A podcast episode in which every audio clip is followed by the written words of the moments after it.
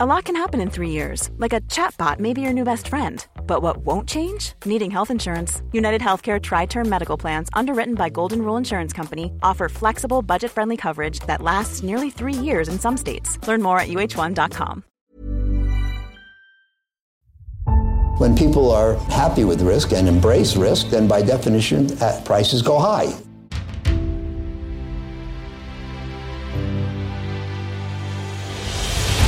When the cycle turns down, they generally sell at prices that are far too low.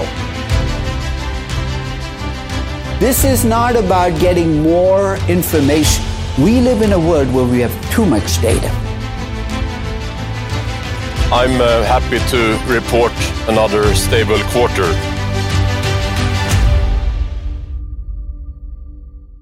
Hallå och välkomna tillbaka till Aktiesnack. Det här är en podd som görs i samarbete med Kalkyl. Och idag så ska vi först prata om en väldigt bra tråd på Twitter som blev ganska populär förra veckan. Där gick man igenom boken Global Outperformers. Och det var då bolag som har gått upp över 1000% de senaste 10 åren och så kollar man på vad de bolagen hade gemensamt. Och sen efter det så kom även huvudnumret i avsnittet. Det är när Peter äntligen får dra Bezos och Amazons historia. Och innan dess ska vi ha lite spaningar. Eller hur Peter? Det låter toppen, som jag har längtat på att få göra det här avsnittet. det har varit på gång ett tag kan man säga. Det kan man säga. Och lite spaningar då inför Q4-rapporterna, bara lite vad jag tror vi kan få se. Först och främst så tror jag att personalintensiva bolag kan få det lite tufft med tanke på att det kändes som typ halva Sverige var sjuka i december. Och när det kommer till konsultbolag och liknande då kan inte de fakturera för de timmarna som sina anställda är sjuka och då blir det helt enkelt lite sämre marginal. Finns det någon data på att eh, det var väldigt många som var sjuka eller är det bara känslan? Det är min känsla om mitt mm. umgänge. Nej, men jag tycker även när man har frågat liksom eh, kompisars kompisar och liknande. Det känns som det har varit ett genomgående tema. Vem man än träffar så känner de massa personer som varit sjuka. Mm. Och det såg vi lite samma i januari i år, alltså Q1 2022. Då var det ju många som sa att det var sämre marginal på grund av att många var sjuka och då var det en omikronvåg som verkligen svepte över Sverige. Så att det kommer säkert inte drabba alla bolag lika och det kanske inte blir lika stor effekt som i Q1 för att då var det ju hårdare krav på när man skulle stanna hemma och liknande. Men det skulle ändå kunna bli en liten effekt på det. Och sen eh, är det väl ingen högoddsare kanske att bolag inom sällanköp kan ha det tufft i Q4. Och de här aktierna har ju haft det väldigt tufft under 2022. När konsumenten inte haft lika mycket pengar, vilket kanske inte är någon nyhet för någon. Men när räntan har gått upp, elpriserna har gått upp, då kanske man inte har de här pengarna riktigt att köpa en ny bil eller heminredning och så vidare. Men många av de här aktierna har faktiskt studsat upp riktigt ordentligt sen botten i september. Samtidigt som nu räntan fortsätter ticka upp och alla prognoser tyder på att den kommer fortsätta ticka upp ännu mer under första halvåret 2023. Så jag tror att vissa kommer nog bli påminda när rapporterna kommer nu att det ser inte så jättebra ut för vissa av de här bolagen och även outlooken borde inte vara allt för bra heller. Har du varit inne och vevat mer här och då tänker jag specifikt på Tesla. Ja men Tesla är väl ett eh, prime exempel på det verkligen. Där ser man ju hur det fullständigt har dykt i efterfrågan. Och det här är ju verkligen sällan köpvarornas sällanköp. Det är ju sällan man måste köpa en ny dyr elbil. Och eh, det ser man ju också att det har ju verkligen varit en kapsejsning i orderboken där. Så att bolag som säljer bilar, till exempel kylskåp, eh, husbilar, det är framförallt de bolagen som borde drabbas riktigt hårt. Och sen eh, tror jag också att, eh, lite som jag var inne på förra veckan, att vissa sektorer inom medtech kan ha en ganska fin catch-up-effekt nu i Q4. Efter att man haft det lite tuffare i två år. Och eh, som jag pratade om förra veckan så tror jag att Research kan ha det ganska bra där. Så eh, har man inte lyssnat på det avsnittet kan man ju gå in och göra det. Och sen slutligen så har jag en liten spaning om Betsson också. Där gick ju Kindred ut och vinstvarnade förra veckan och sa att sportboksmarginalen var ganska dålig i Q4. Vilket då sänkte vinsten. Och jag räknade med en bra rapport från Betsson. Men vad Kindred sa gjorde mig lite tveksam. Och då grävde jag också lite i Betsson och hittade att de hade gjort en undersökning av sina kunder då, alltså de som spelar på Betsson i 20 olika länder inför VM. Och 40% hade tippat Argentina som vinnare. Och det här var klart störst andel av alla länder och det är ju inte bra för Betsson Eftersom då kommer sportboksmarginalen för dem bli sämre när man behöver betala ut mer pengar till sina kunder. Så att även om jag tror att de andra delarna av Betsson kommer gå ganska fint på grund av att de har väldigt bra momentum i bolaget.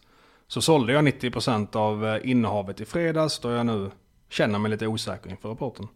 Men vidare till den här boken Global Outperformers. Och det var ju som sagt då en ganska populär tråd på Twitter förra veckan. Och den här boken går igenom bolag som avkastade över 1000% under de 10 åren 2012 till 2022 i en rad olika länder och kollar då på vad de hade gemensamt. Kan du gissa där Peter vilket land som var femte vanligaste? Sverige. Sverige. bäst i Europa och femte bäst i hela världen faktiskt. Med 10 Oj, miljoner. Så det är rätt sjukt ändå. Mm är man lite stolt. Men urvalskriteriet var i alla fall ett market cap på minst 500 miljoner dollar. Och personligen så älskar jag den här typen av böcker där man kollar på vad som faktiskt har funkat på börsen och lär sig av historien. Har du läst eh, 100 baggers av eh, Chris Mayer? Det har jag definitivt. Mm. Den eh, touchar ju väldigt mycket på exakt samma sak. Ja, den och eh, What Works on Wall Street eh, är väl två av de absolut bästa böckerna då. Precis, och vad är det då som skapar den här fenomenala avkastningen Magnus? Ja, det är framförallt tre faktorer som de lyfter fram i boken. Och den första är att värderingen är låg. Så 50% av bolagen hade en EV sales multipel under 1 och EV ebit under 10 vid starten 2012. Och 80% hade under 20 i EV ebit. Och jag pratar mig ofta gott om låga multiplar för att det har ju visat sig att på en ettårsperiod så är det så att bolag generellt går lite bättre om de har en låg multipel. Men här visar det sig alltså att även på en tioårsperiod så är det en väldigt viktig faktor. Och det logiska där kommer ju från att om ett bra bolag har EV 10 så får du ofta en multipelexpansion och har ett bra bolag P100 så blir det ofta en multipelkontraktion. Så att även på en sån här lite längre tidsperiod som 10 år så var det här en väldigt viktig faktor. Sen går man över den tidsfaktorn någonstans så slutar ju grundvärderingen ofta spela särskilt mycket roll. Men även på 10 år spelar det roll. Det som är rätt intressant här det är att Chris Mayer lyfter ju framförallt omsättningstillväxt då som största katalysator. Ja, men han kollar ju på lite längre sikt, eller hur? För han kollar på när det skulle gå upp 10 000 procent. Så då blir det ju en lite annan faktor. Ja. Och vidare så var drygt 90% av bolagen lönsamma eller hade varit lönsamma tidigare. Och man kan ju tänka sig att många av de här superaktierna skulle vara startups som hittar något revolutionerande och sen efter det så exploderar försäljningen. Men man ser alltså det att eh, även om det är så att man har en väldigt bra produkt som vi har pratat om ofta innan så är det väldigt svårt att gå från olönsamhet till lönsamhet för den här typen av bolagen. Däremot om man kollar på de här 10 procenten som faktiskt var olönsamma så är det inte så ofta det är den här startup-typen utan det är ofta superaktier som exempelvis ett Tesla eller Amazon och det är ju bolag som väljer att vara olönsamma. Och där är det ju väldigt viktigt att kunna skilja på vilka som väljer att göra det och vilka som säger att de väljer att göra det men faktiskt inte kan få lönsamhet. Så där måste man ha lite detektivarbete om man ska titta på det. Precis, och det är ofta väldigt svårt kan tilläggas. Alltså då måste man ju avgöra vad man tycker, eller vad man tror rättare sagt är growth, capex eller opex och maintenance capex eller opex. Exakt, vad behöver man liksom bara för att behålla den omsättning man har och vad är det som faktiskt går till lönsamhet? Ja, Sen så lyfter också boken ett tillfälle då det faktiskt kan vara lite läge att eh, frångå fokus på multipel. Och det är när branscher står inför stora trendskiften som kommer ge en långvarig strukturell tillväxt. Och det här är ganska svårt att liksom hitta, för då behöver man kunna hitta en bransch och förstå den väldigt bra. Så det är lite svårt att få conviction i de här bolagen ofta kanske. Men solenergi var en sådan bransch för tio år sedan. Då började det ju bli ekonomiskt mer gångbart med solenergi. Det var många platser som skaffade det ordentligt. Och det var ju en boom som fortsätter än idag och kommer förmodligen fortsätta i många år. Och där var det ju många bolag, framförallt underleverantörer också, som hade en extremt bra utveckling under tio års tid. Trots att multiplarna ofta kunde vara ganska höga från början. Men det var ju på grund av att det var sån otrolig tillväxt i sektorn. Och boken lyfter också två faktorer som är viktiga att kolla på när det kommer till den här typen av bolag. Det är då att man ofta gärna vill ha marknadsledaren. Som exempelvis ett Amazon inom eh, e-handel eller ett eh, Tesla inom elbilar och så vidare. Och sen också att man ska kolla på även underleverantörerna, alltså hackarna och spadarna som vi var inne på. Och där hade man till exempel rätt många bolag som sålde polysilikon som var en insatsvara i solpaneler. Och de bolagen gick otroligt bra, även om de är ganska osofistikerade. Det är nog inte så många som tänker att där hittar man de här 1000% aktierna. Men hitta de här underleverantörerna kan ofta vara väldigt eh, lönsamt helt enkelt. Och sen slutligen så var ju en eh, inte helt oväntad faktor att bolagen skulle vara små. Och det är ju inte så konstigt egentligen. Det är ju lättare att växa 1000% när man är ett litet bolag än om man redan är värda hundratals miljarder. Så att endast 0,7% av de här superaktierna hade ett market cap på över 10 miljarder dollar. Så det är alltså mindre än en på 100 och det är ju ganska trevligt för eh, när man är en privatinvesterare. För då har man ju ofta lite bättre möjlighet att gå in i de här små bolagen. Så är det, sen ska ju allt riskjusteras också och jag tänker att målet kanske inte borde vara att man ska ha 1000% avkastning heller. Det är väl också en ganska viktig grej, grej att belysa här tycker jag. Ja, absolut. Det har du helt rätt i. Och sen så en slutning, en liten intressant grej var att Grekland hade faktiskt ganska många outperformers sett till storleken på Grekland. Och anledningen där är enkel och det är att man helt enkelt hade superduperlåga värderingsmultiplar 2012 efter eurokrisen som var där. Bland annat så var det ett eh, telekombolag som handlades till 70% av kassan och telekom är ju normalt sett väldigt stabilt. Så att när bolag har den här typen av konkursvärderingar så är det egentligen bara så att de behöver återgå till normala för att det ska bli en väldigt bra resa. Och ofta säljer ju folk i panik allting egentligen, även om exempelvis kanske ett telekombolag inte borde göra det på samma sätt. Sen ska man ha med sig att även här så är det ju väldigt riskabelt att göra den här typen av investeringar och det är väldigt lätt att man hamnar snett på det för att många av de här bolagen kanske aldrig kommer tillbaka. Så det ställer ju högre krav på att man både kunskapsmässigt kan de här, vad ska man kalla dem, fallande knivarna som man går in i och att man har psyket för att investera i det här för att det kan ju ta några år innan värderingen kommer upp igen. Jag tänkte på det där med Grekland, det hade varit intressant att se hur många bolag också som gick åt andra hållet, det vill säga som faktiskt gick i konkurs. Alltså för att det skulle bli lite mer rättvisande statistik. Ja, det är en bra poäng. Så det gäller ju verkligen att kolla på, alla bolag är ju inte lika där. Det gäller att kolla på bolag som kanske har mycket kassa, som det här telekombolaget, och också gärna mycket reala tillgångar som man kan sälja i ett värsta fall. Mm. Så att om du bara sitter på massa IP eller liknande, då har du inte så mycket att sälja ifall det skulle gå riktigt dåligt. Men har du maskiner som är värda mer än hela börsvärdet, då ska det väldigt mycket till om man går liksom i konkurs. Kanske var därför det gick så bra för det telekombolaget, för att alla peers gick i konken. ja, jag vet jag inte, jag hade faktiskt inte koll med.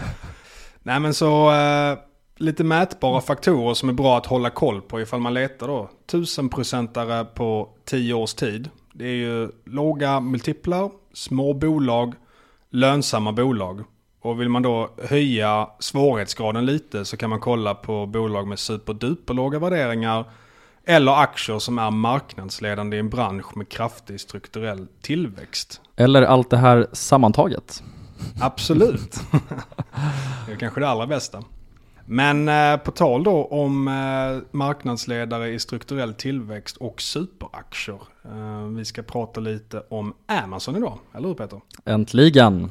Nu är det dags. Yes, och då tänker jag att vi börjar med att berätta hur Amazon grundades och lite kort om Jeff Bezos som är grundare av Amazon och sen så djupdyker vi såklart också i verksamheten och avslutar också vad vi tycker om aktien.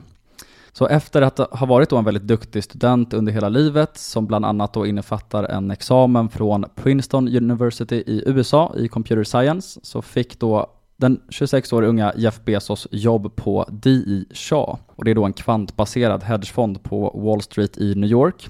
Och här måste jag även såklart nämna att vi var faktiskt på DI Shaw när vi var i New York i maj 2022 och spanade in faciliteterna där. Och då dubbelkollade vi såklart att D.E. Shaw hade samma kontor när Bezos jobbade där, så det är ju lite kul eh, att beröra det också och såklart väldigt, väldigt nördigt. Han var väl också en riktig arbetsnarkoman på den tiden? Oh ja, oh ja. Han liksom sov ofta över på kontoret, hans hårfäste gick liksom väldigt snabbt uppåt redan när han var 26. och, man inte igen sig. Så, så, han beskrivs ofta som alltså ett, verkligen ett djur när det kommer till att arbeta och även då som nyfiken om någon då ska beskriva Bezos med få ord. Och på D.I. Shaw då så uppvisade han ju många egenskaper som än idag då är väldigt signifikanta för just honom. Han var ju då väldigt disciplinerad och precis och analytisk. Så han gick ju alltid runt också med penna och block vart han än gick då för att kunna skriva ner då spännande observationer och idéer. Och sen så skrattade han också väldigt, väldigt mycket och väldigt, väldigt högt och det är han ju också ganska känd för. Och Bezos var ju då väldigt framgångsrik och omtyckt på Dirsha som ni säkert kan gissa, men sessionen blev ju också väldigt kortvarig och det kan ni säkert också gissa varför. Så under den sista perioden då på firman så bevakade han ju någonting som kallades för, vill du gissa Magnus? World Wide Web. Yes, internet, som då visade faktiskt tillväxtsiffror som ingen tidigare hade skådat. Så i början av 90-talet så växte ju internet, jag tror det var år 1993, så växte ju internet med en faktor på 2300 och i procent så är det alltså 230 000 procent. Och det här var ju då katalysatorn för att Bezos skulle snöa in sig på entreprenörsspåret och internet. Så han började då bolla affärsidéer med sina kollegor på Wall Street och till slut kom han då fram till att e-handel var en bra idé. Och kopplat till det här så finns ganska många roliga stories. Till exempel som att Bezos då hade ett dokument där han skrev ner vilka kollegor han tyckte var duktiga och som potentiellt då kunde komma med bra idéer och vilka som han inte alls trodde på. Så om en idé då kom från någon som han inte tyckte så högt om så kunde han bara stryka den idén och jobba lite då likt en uteslutningsmetod då för att filtrera idéer. Och det här är ju verkligen så jäkla typiskt Bezos. Han gillar att effektivisera. Ja, exakt så. Han är så liksom extremt analytisk i allt han gör. Det är väl därför jag älskar honom också. Hur som helst, när han då hade bestämt sig för e-handel så började han då med att sammanställa en lista på 20 möjliga produktkategorier för en webbshop. Och kategorierna innehöll då bland annat programvara, kontorsutrustning och musik, men valet föll så småningom på böcker av den enkla anledning att böcker då är en eh, tydlig och definierad produkt där konsumenten då vet exakt vad den får. Och en bok är ju identisk oavsett vart du köper boken. Och böcker är nog fortfarande också den produkt som har flest olika SKUs, alltså items. Vad, vad, heter, vad är det på svenska? Jag vet faktiskt inte. Eh, men inom en produktkategori så finns det inte fler liksom produkter inom just den kategorin än böcker då. Sen var ju såklart också en anledning att en bokhandel online då snabbt kunde ge mer värde till kunder då en nätbokhandel inte har någon limit på antal hyllor. Så en fysisk bokhandel kan liksom bara ha x antal böcker. Men en nätbokhandel kan ju ha alla böcker i hela världen. Det är ju jäkligt smart ändå. Alltså nu när DVD har försvunnit så finns det ju typ inte någon annan produkt som, som är på det här sättet. Den är väldigt enkel att lagra och som du säger den är totalt utbytbar egentligen. Precis och eh, väldigt definierad. Alltså en DVD ser ju likadan ut oavsett liksom vart du köper den. Och jag tycker att det här är lite intressant att han valde just böcker. För Taleb pratar ju om händelsebanor, det vill säga att ett beslut kan starta en helt ny händelsebana. Han pratar liksom mycket om, om slump, det vill säga att i det här fallet då att tänk om Bezos inte hade valt böcker, hade då Amazon varit det som Amazon är idag? Det vet vi såklart inte, men jag tycker bara att det är så intressant att tänka i de banorna, att ett beslut skulle kunna vara så otroligt vitalt. Sen kommer vi då till våren 94, då Bezos talade om för sin chef David Shaw att han tänkte lämna bolaget och starta en bokhandel online. Orsa försökte såklart övertala Bezos att stanna och föreslog att de skulle gå en promenad i Central Park och efter två timmars vandrande så kom de överens om att Bezos skulle tänka på saken i några dagar och några dagar senare så kan ni såklart gissa vad som skedde. Så 94, när Bezos var 30 år gammal och efter fyra års arbete på Wall Street så sa han alltså upp sig för att jaga drömmen om internet. Drömmen som idag är då Amazon och ett av världens största bolag. Och han uttalar sig om det här eh, beslutet och hans beslutsprocess såg ut några år senare. Och, och det togs ju då genom hans numera klassiska citat eh, Regret Minimization Framework. Precis, Regret Minimization Framework är ju då den tankemodellen eller mentala modellen som Bezos använde när han tog det här beslutet. Och det har ju blivit en riktig klassiker och det är faktiskt också någonting som jag själv har haft väldigt mycket nytta över.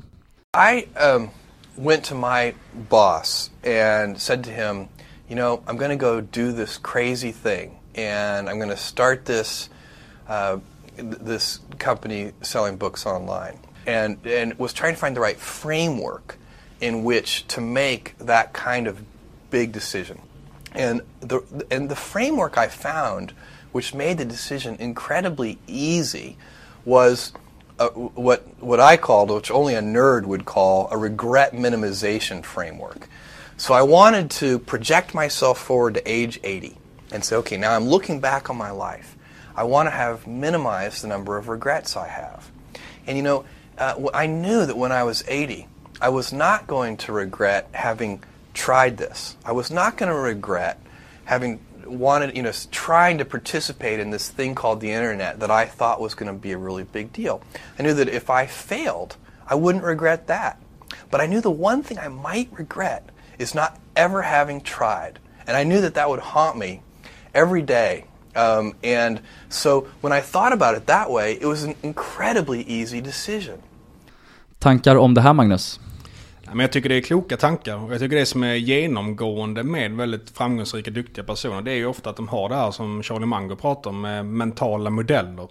Så att man låter liksom inte ens egen hjärna styra, utan man någonstans styr ens egen hjärna. Hur man ska se på världen och hur man ska ta in information. Och det här är någonting som är superbra. För det är ju förmodligen väldigt många som ångrar sakerna. De är gamla och som då hade önskat att de haft den här typen av mentala modeller hela tiden under sitt liv. Så man inte hamnar där helt enkelt. Exakt, och det kan vara så himla intressant att så fort man medvetet aktiverar en mental modell så kan ett beslut bli så oerhört enkelt. Och det där slår mig liksom ganska ofta. Alltså hur irrationell man är rent instinktivt.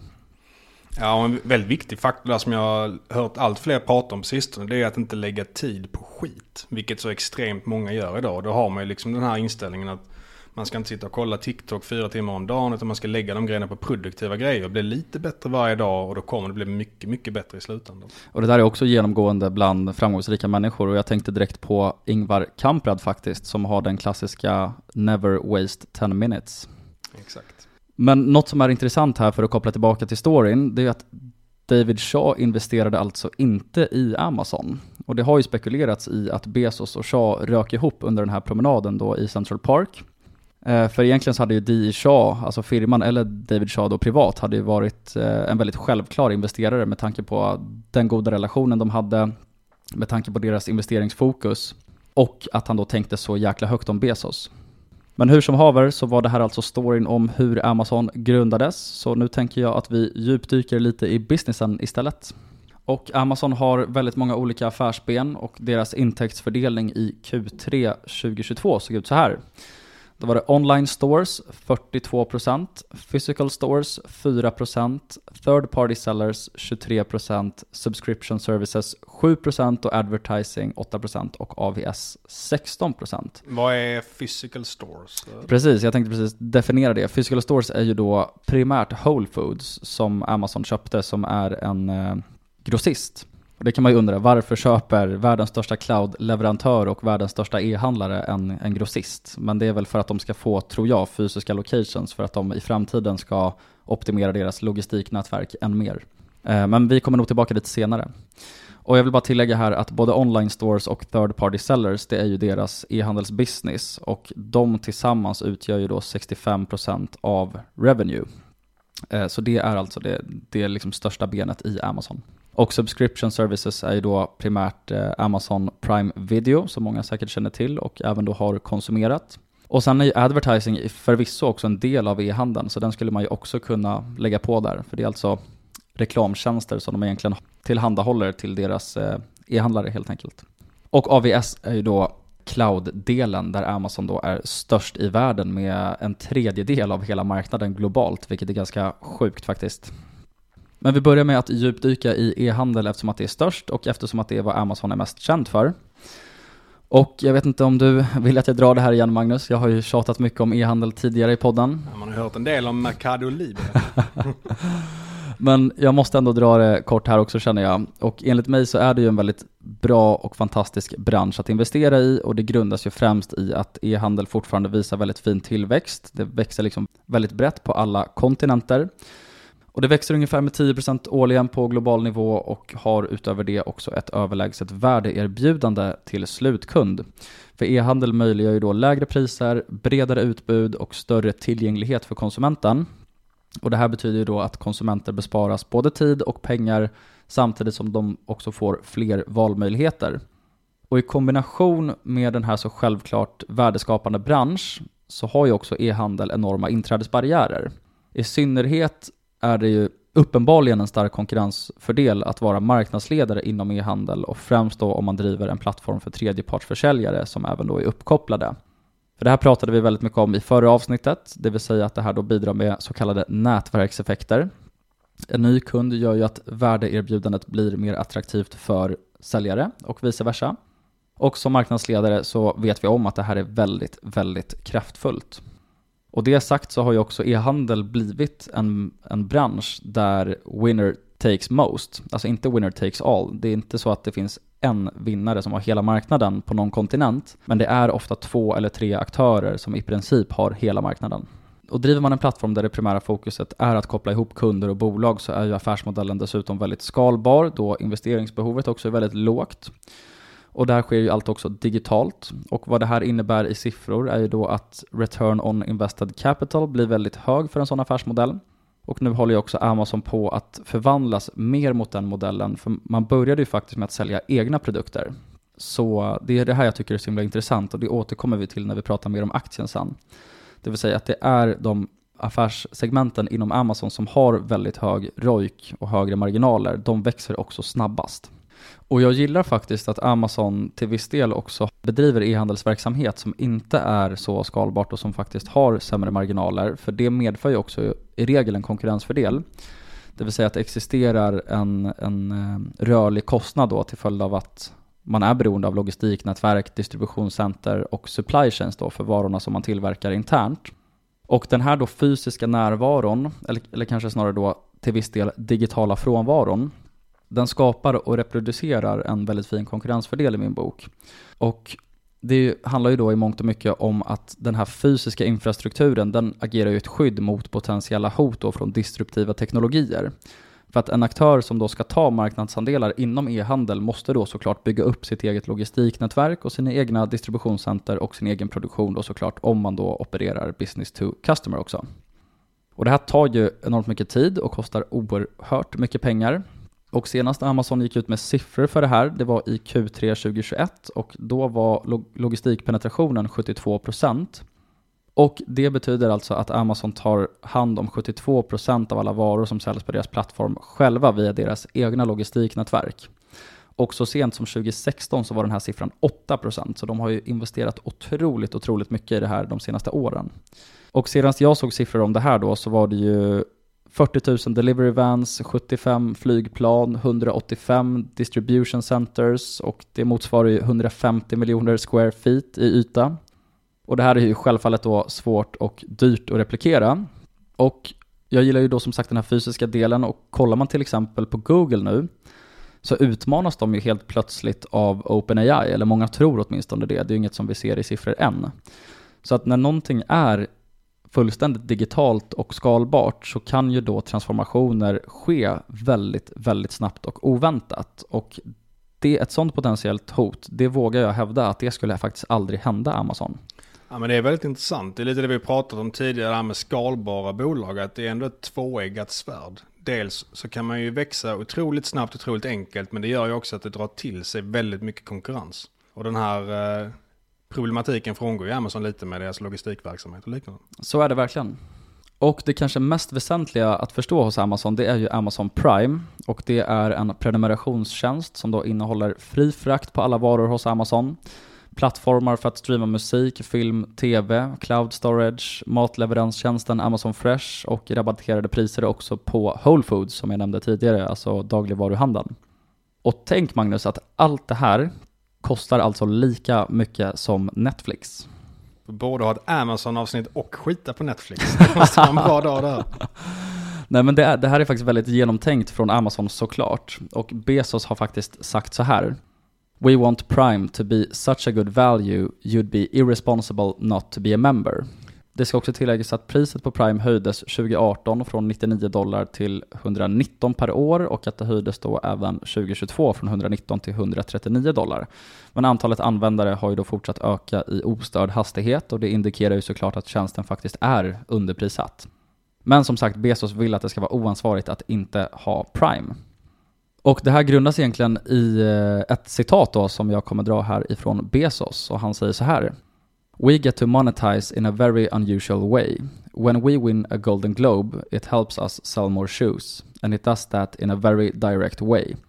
Because if you look at Prime members, they buy more on Amazon than non Prime members, and one of the reasons they do that is once they pay their annual fee, they are looking around to see how can I get more value out of the program.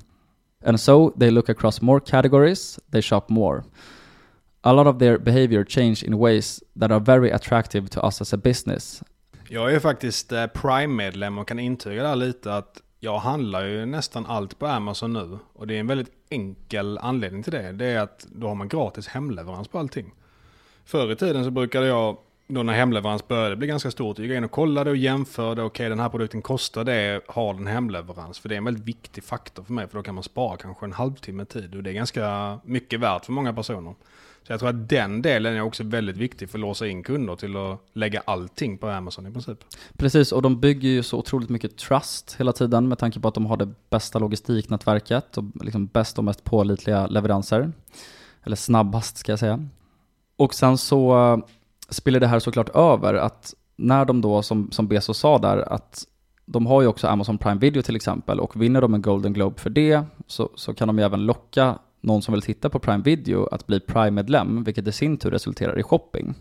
Så det är ju det som är hela det här flywheelet. Och intressant på det och även på underprissättning, det är att Bezos har ju även skrivit i sina shareholder letters att inom vissa produktkategorier så har de en målsättning om att ha lägre bruttomarginal än konkurrenterna. Jag, jag tycker den, att det, den är tuff att tävla med. Ja, men det, det är så otroligt briljant, även om det liksom inte är rocket science. Men jag, jag, gillar verkligen hur analytisk han är. Och det här är ju bara för att han är så jäkla långsiktig också. Allt handlar om att få konsumenternas trust och bygga brand. Och det här grundar sig också i någonting som Bezos har sagt flera gånger och det är att han fokuserar ju mer på saker som inte kommer förändras. För han har sagt så här, ja men jag får ofta frågan, vad kommer förändras inom de, inom de kommande tio åren?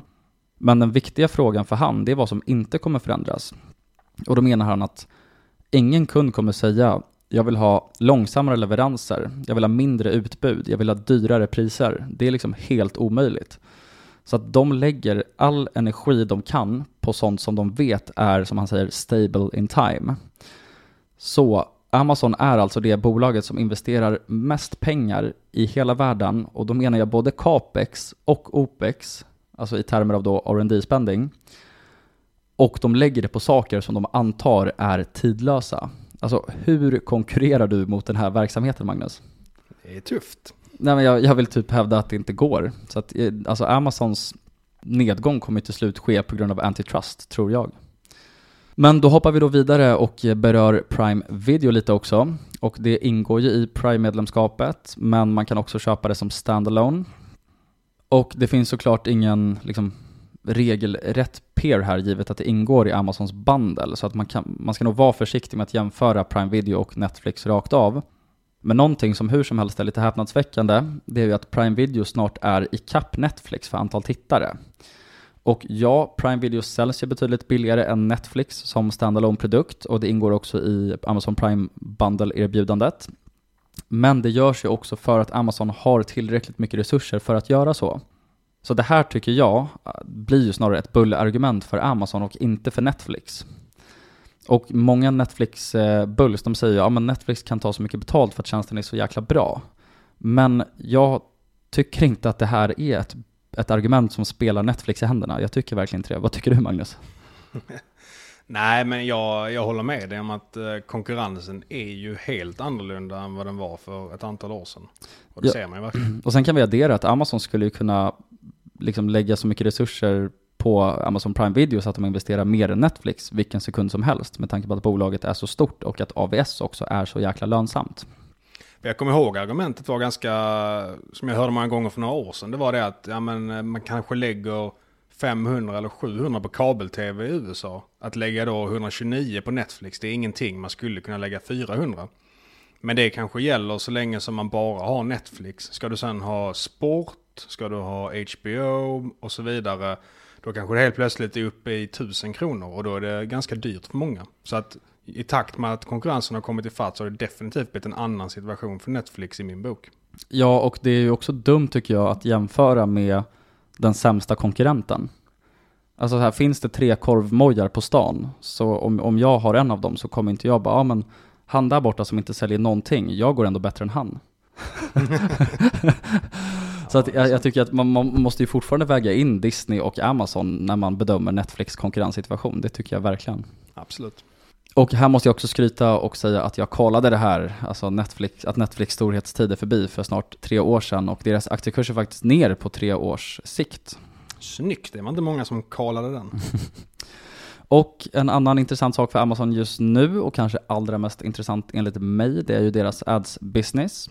Och eh, intressant här är också att Bezos länge ansåg att Amazon inte skulle syssla med ads för att det då skulle riskera att försämra kundupplevelsen, men han ångrade sig i början på 10-talet. Och här vill jag också tillägga att Bezos har gjort otroligt, otroligt många snedsteg och tagit väldigt många märkliga beslut genom åren, men hans förmåga att ändra åsikt är verkligen fascinerande. Och det kanske som är mm, allra mest fascinerande i biografin om honom, det är ju då alla de här misstagen tycker jag och, och, hur han liksom lär sig av dem och bara går vidare och det har han ju också präntat in i Amazons kultur. Och det grundas egentligen i ett citat som jag kommer läsa upp nu som kommer från Amazons shareholder letter från 2016. The difference between baseball and business is that baseball has a truncated outcome distribution. When you swing, no matter how well you connect with the ball, the most runs you can get is four. In business, every once in a while, when you step up to the plate, you can score thousand runs. This long-tailed distribution of returns is why it's important to be bold. Big winners pay for so many experiments. Så helt enkelt att uh, uppsidan är så enormt mycket större i business, för det är inte limiterat på något sätt. Exakt så, och det är därför de har den här experimentella kulturen. Eh, sen eh, den här boken du pratade om, vad, vad hette den ifall någon vill läsa den själv? The Everything Store. Och den rekommenderar du varmt antar jag? Det gör jag. Den är skriven av Brad Stone som är Mr Amazon och som jobbar på Bloomberg. Och eh, vi har faktiskt chattat lite i DM också. Han, han skrev till mig när jag skrev om Amazon att jag skrev bra om Amazon. Så att eh, den oj, oj, oj. red jag på väldigt, väldigt länge. Peters egopodd Nej men det är ju det här med liksom long tail distribution, det är ingen rocket science såklart, men det är fortfarande verkligen så genialiskt tycker jag och det är lite som Munger säger, take a simple idea and take it seriously. Men tillbaka till ads-businessen då, så genererar den sjukt nog ungefär lika mycket ebit som AVS nu. Och det pratas ju verkligen förvånansvärt lite om det här. Så om vi antar 56% marginal för deras adsintäkter så genererade det alltså lika mycket ebit som AVS under förra kvartalet.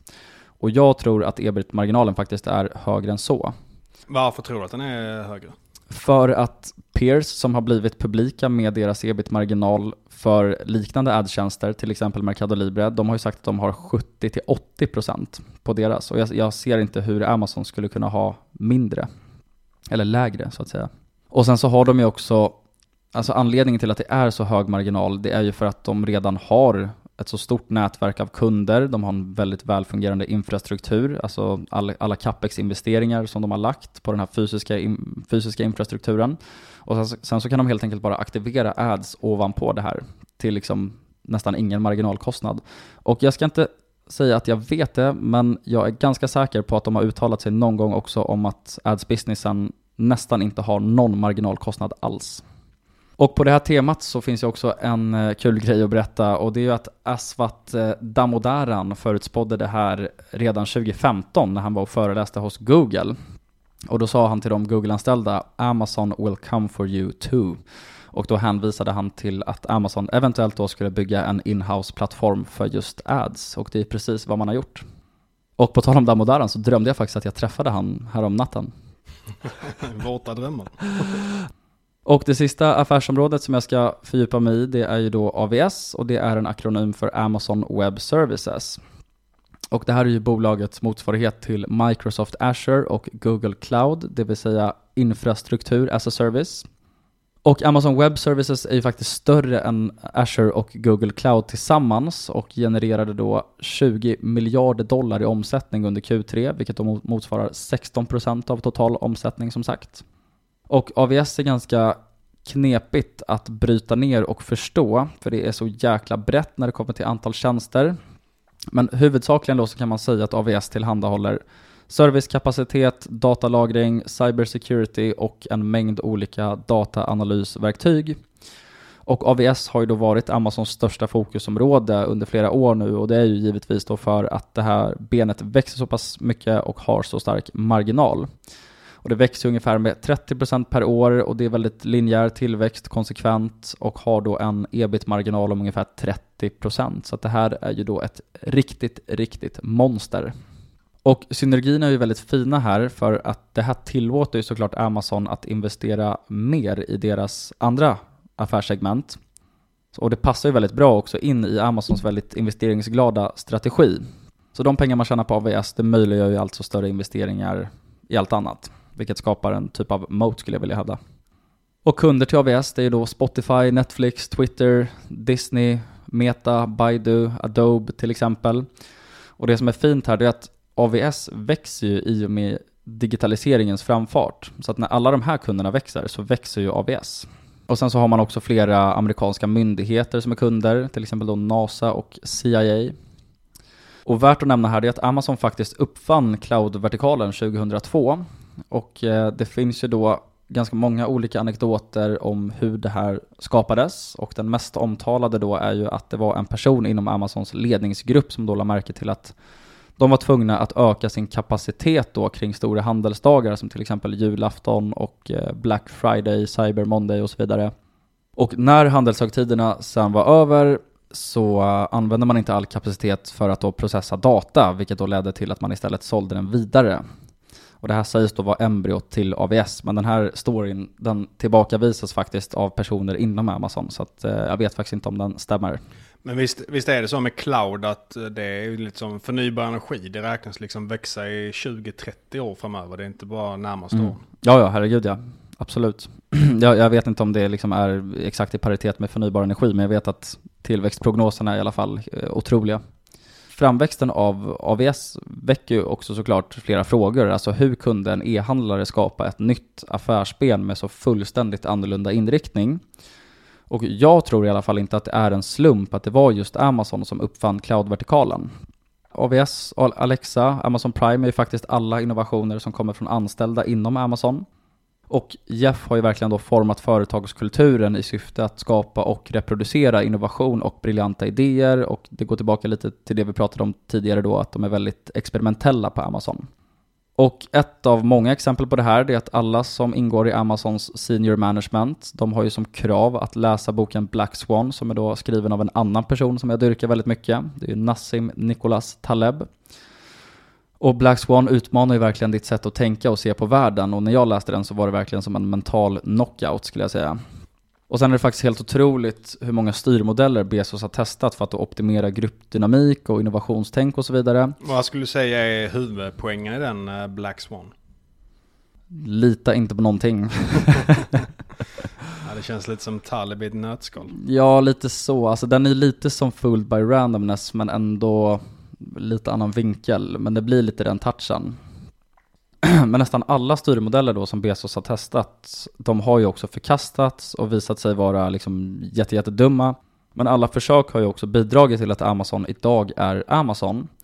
Och Bezos pratar ju ofta om operational excellence då som är nära besläktat med japanska kaizen. Och det begreppet bottnar ju i att man genom små modifieringar hela tiden då kommer närmare en eh, optimal struktur. Och det lägger i sin tur grunden för en bra kultur.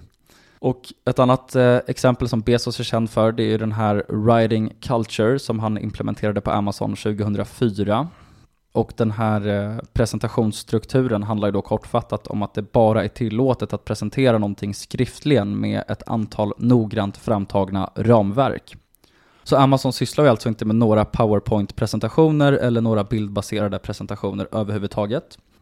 Och argumentet bakom det här, det är ju då att skriftlig kommunikation tar längre tid på kort sikt men att det besparar tid på lång sikt eftersom att då presentationerna blir avsevärt mer tydliga och att det kräver mer eftertanke att presentera någonting skriftligen då.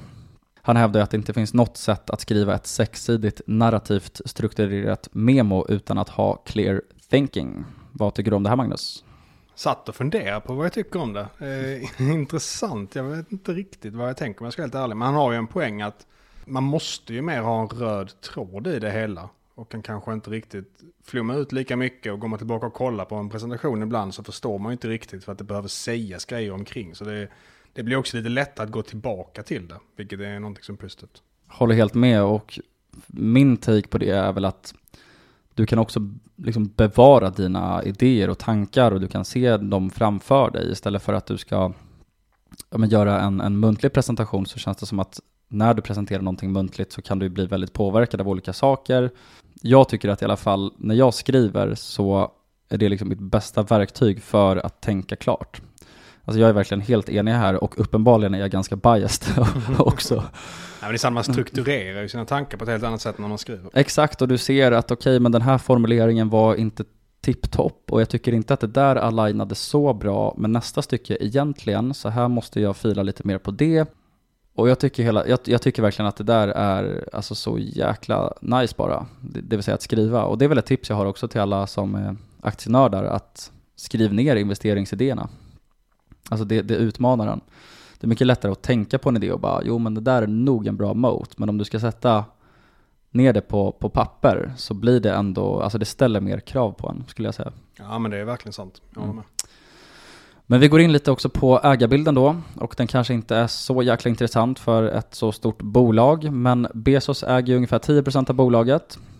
Eh, han är ju inte vd längre, han eh, gick av som vd, tror det var 2021, det borde jag ju faktiskt veta. Och eh, en annan figur som vi pratar mycket om i podden det är ju Warren Buffett som började köpa in sig i Amazon under 2019 och han letar ju bekant efter då starka konkurrensfördelar. Och Amazon utgör ju då för närvarande bara ungefär en halv procent av Berkshire Hathaways väska så att det är ingen stor position. Men på det temat så är det också lite kul att Buffett har uttalat sig så här om Bezos. I had a very, very, very high opinion of Jeff Bezos when I first met him and I still underestimated him. Fan, svårt att få fina omdömen det där. Så är det faktiskt, så är det. Hur ser det ut med värdering och så? Jag tycker att aktien ser eh, artificiellt dyr ut just nu. Alltså bolaget återinvesterar ju, precis som de alltid har gjort, väldigt, väldigt mycket. Så att det blir någon typ av konstform här att avgöra vad man tycker är maintenance, capex och opex och således också growth, capex, opex. Och i hela Amazons livstid så har man ju ifrågasatts för det här helt enkelt, alltså kortsiktig intjäningsförmåga. Så det här har ju Bezos tampats med i liksom snart 30 år. Och det verkar aldrig, aldrig ta slut. Men jag tycker ju att det här, eh, alla de här investeringarna, det går ju också att betrakta som konkurrensfördel. Och när det också kommer till corporate communication så tycker jag att det är väldigt intressant att Bezos har skrivit i sex olika aktieägarbrev, tror jag. Jag har läst allihopa, men jag vet inte om jag fångade exakt eh, på alla ställen som han skrev det här. Men det är att fritt kassaflöde per aktie är deras viktigaste finansiella mått och det har han alltså upprepat flera, flera gånger. Och han har också sagt så här, percentage margins are not one of the things we are seeking to optimize. It's the absolute dollar free cash flow per share that you want to maximize. And if you, you can do that by lowering margins, we would do that. Och det här tycker jag också är så jäkla bra. Alltså det handlar ju faktiskt om fritt kassaflöde i dollar. Alltså ja, free cash flow per share, det är det det handlar om. Så att jag är faktiskt lite skeptisk till alla som liksom hela tiden skriker mot Amazon och säger att ja men vad fan, de kan ju inte tjäna pengar, men uppenbarligen så har de skapat otroligt, otroligt mycket värde över, över åren ändå. Så att här får man helt enkelt vara mer långsiktig skulle jag säga. Och för att bäst också förstå den här strategin så tycker jag att man borde läsa, om man då är intresserad av Amazon, alltså det första aktieägarbrevet som publicerades då 1997. Och brevet handlar då till stor del om strategin då snarare än affärsmodellen och det handlar ju om att Bezos då klargör att de kommer göra allt för att vinna marknadsandelar och för att då se till att kunderna är nöjda och det kommer ske framför kortsiktig intjäning. Och den, den, här strategin har ju då tagit Amazon från att vara en bokförsäljare till ett av världens största bolag på 29 år då. Nåväl, Amazon handlas idag till två gånger försäljningen och 80 gånger ev-ebit, så det är kanske inte aptitligt för dig Magnus. Ta bort en nolla så är det. Men som sagt, jag tycker att det här ser lite artificiellt eh, högt ut, så man investerar ju som sagt otroligt, otroligt mycket. Och det som är så intressant också som eventuellt skulle kunna leda till att marginalen går uppåt och att man faktiskt också kan fortsätta investera så mycket som man gör, det är ju att AVS ads och third party sellers, det är de segmenten som växer snabbast. Så härifrån så tror jag faktiskt att Amazons ebit-marginal skulle kunna röra sig uppåt ganska snabbt och sen så återstår det att se om de även då väljer att skjuta över det till kunden. Och sen så skulle det också kunna ske buybacks tror jag, i och med att man får hela tiden mer och mer resurser till att göra det. Och third party sellers växte då med 23% i förra kvartalet, ads med 30% och AVS med 28%. Och då växte hela koncernen med 15%, så de här benen det är ju de som är tillväxtdrivare helt enkelt. Och antar vi 15% årlig tillväxt i fem år och en ebit-marginal om 15%, vilket jag tror är ganska rimligt, då har vi faktiskt aktien på 6,5 gånger ebit fem år fram.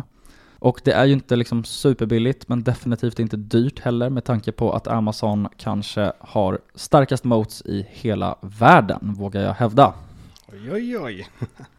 Men eh, jag får ju säga det också att 80 ebit är såklart högt, men som du säger, man har ju en väldigt trovärdig plattform att kunna växa vinsten ifrån med mer högmarginal business. Och det gör ju att det behöver inte vara dyrt med EV ebit 80. Nej, precis. Och jag gjorde någon kalkyl på det också för några år sedan, så den är inte up to date. Men då, då investerade ju faktiskt Amazon lika mycket i R&D som Microsoft och Apple tillsammans. Så gör du bara den justeringen och alltså om du lägger Amazons R&D på övriga fangligan, då har du ju liksom typ dubblat ebit bara där. Så att det finns liksom fin operating leverage underliggande. Och hur ser det ut med riskerna för bolaget då? Den största risken tycker jag ju är eh, då regulatoriskt förankrade risker då och det tar ju avstamp i det som kallas för antitrust laws. Och antitrust handlar ju om att skydda den fria marknaden och reglera orättvisa konkurrenssituationer. Antitrust bygger dock helt och hållet på att göra marknaden så fördelaktig som möjligt för konsumenten. Och Amazon investerar ju allt de har i att göra det bättre för konsumenten. Så därför så bör det också egentligen inte vara så stort pressure tycker jag på Amazon. Och utöver det här så har ju Amazon också i särklass mest anställda av de bolagen som också är övervakade av regulatorerna. Och det gynnar ju såklart ekonomin i stort. Och sen så har ju också Amazon lägst marginal och är också det enda bolaget som faktiskt inte är störst sett till omsättning inom sitt verksamhetsfält. Kan du gissa vilket bolag som är större än Amazon inom retail? Walmart. Korrekt Magnus, impressive. Det är rätt sjukt ändå. Och Walmart omsätter ju alltså mer än Amazon och det tror man ju verkligen inte. Men alla de här anledningarna, det gör ju, tror jag i alla fall, att Amazon inte borde vara prime target för regulatorerna. Och sen är det väl också så att även om det finns ju olika typer av lagstiftning man skulle kunna göra, men om det bara är en sorts uppstyckning där man till exempel tar bort AVS från Amazon så hade ju inte det varit så farligt egentligen. Lite som om man tar bort YouTube från Google eller från Alphabet så har inte det varit hela världen heller. Problemet är ju snarare om man liksom går in i själva kärnverksamheten och ska dela upp den. Precis, och det kan ju till och med låsa upp värde. Alltså om AVS skulle bli särnoterat. Det är många som tror att AVS skulle kunna bära hela Amazons nuvarande börsvärde till exempel, alltså själv. Och sen så finns det uppenbarligen plats för fler inom retail. Vi nämnde ju precis Walmart, men Amazon har ju cirka 2% av global retail och 6% av amerikansk retail. Så Amazon har ju faktiskt fortfarande mer marknadsandelar att ta och jag tror som sagt inte att de kommer vara så jäkla påtryckta av regulatorerna. Så eh, där har du min pitch. Grymt! Nu finns det ingenting vi inte kan om Amazon då. Exakt så. Är du sugen på att köpa eller? Ja, men det är ju ett väldigt eh, spännande bolag. Uh, sen uh, min favoritnisch är ju inte dels storleken, dels amerikanskt och dels värderingen. Men mm. gillar man den nischen så tycker jag helt klart att Amazon ser intressant ut. Och affärsmodellen som du är inne på är ju väldigt bra och talar för att man kan växa det här mycket framöver under lång tid. Ja. Men grymt, så med det så uh, sammanfattar vi dagens avsnitt. Gått igenom lite hur man kan hitta de här 1000% aktierna på 10 år. Vi har pratat lite om vad man ska tänka på inför rapportperioden eller i alla fall lite spaningar på vad som möjligen kan hända. Och sen den här väldigt fina utförliga genomgången av Amazon och Bezos som Peter har gjort. Stort tack, fina ord Magnus. Såklart. Men med det så tackar vi för det här avsnittet och så hörs vi igen nästa vecka och det kommer vara en intressant gäst som gästar oss. Oh ja, oh ja. Stort tack för att ni har lyssnat allihopa. Ha det underbart. Hej! Ciao, ciao!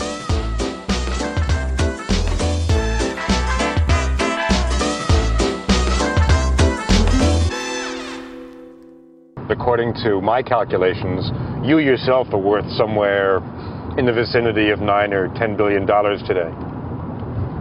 I only say that because I've got a follow-up question. Okay. What's with the Honda? this is a perfectly good car. Mom deserves the best, and there's no better place to shop for Mother's Day than Whole Foods Market. They're your destination for unbeatable savings, from premium gifts to show-stopping flowers and irresistible desserts. Start by saving 33% with Prime on all body care and candles. Then get a 15-stem bunch of tulips for just $9.99 each with Prime. Round out Mom's menu with festive rosé, irresistible berry chantilly cake, and more special treats. Come celebrate Mother's Day at Whole Foods Market.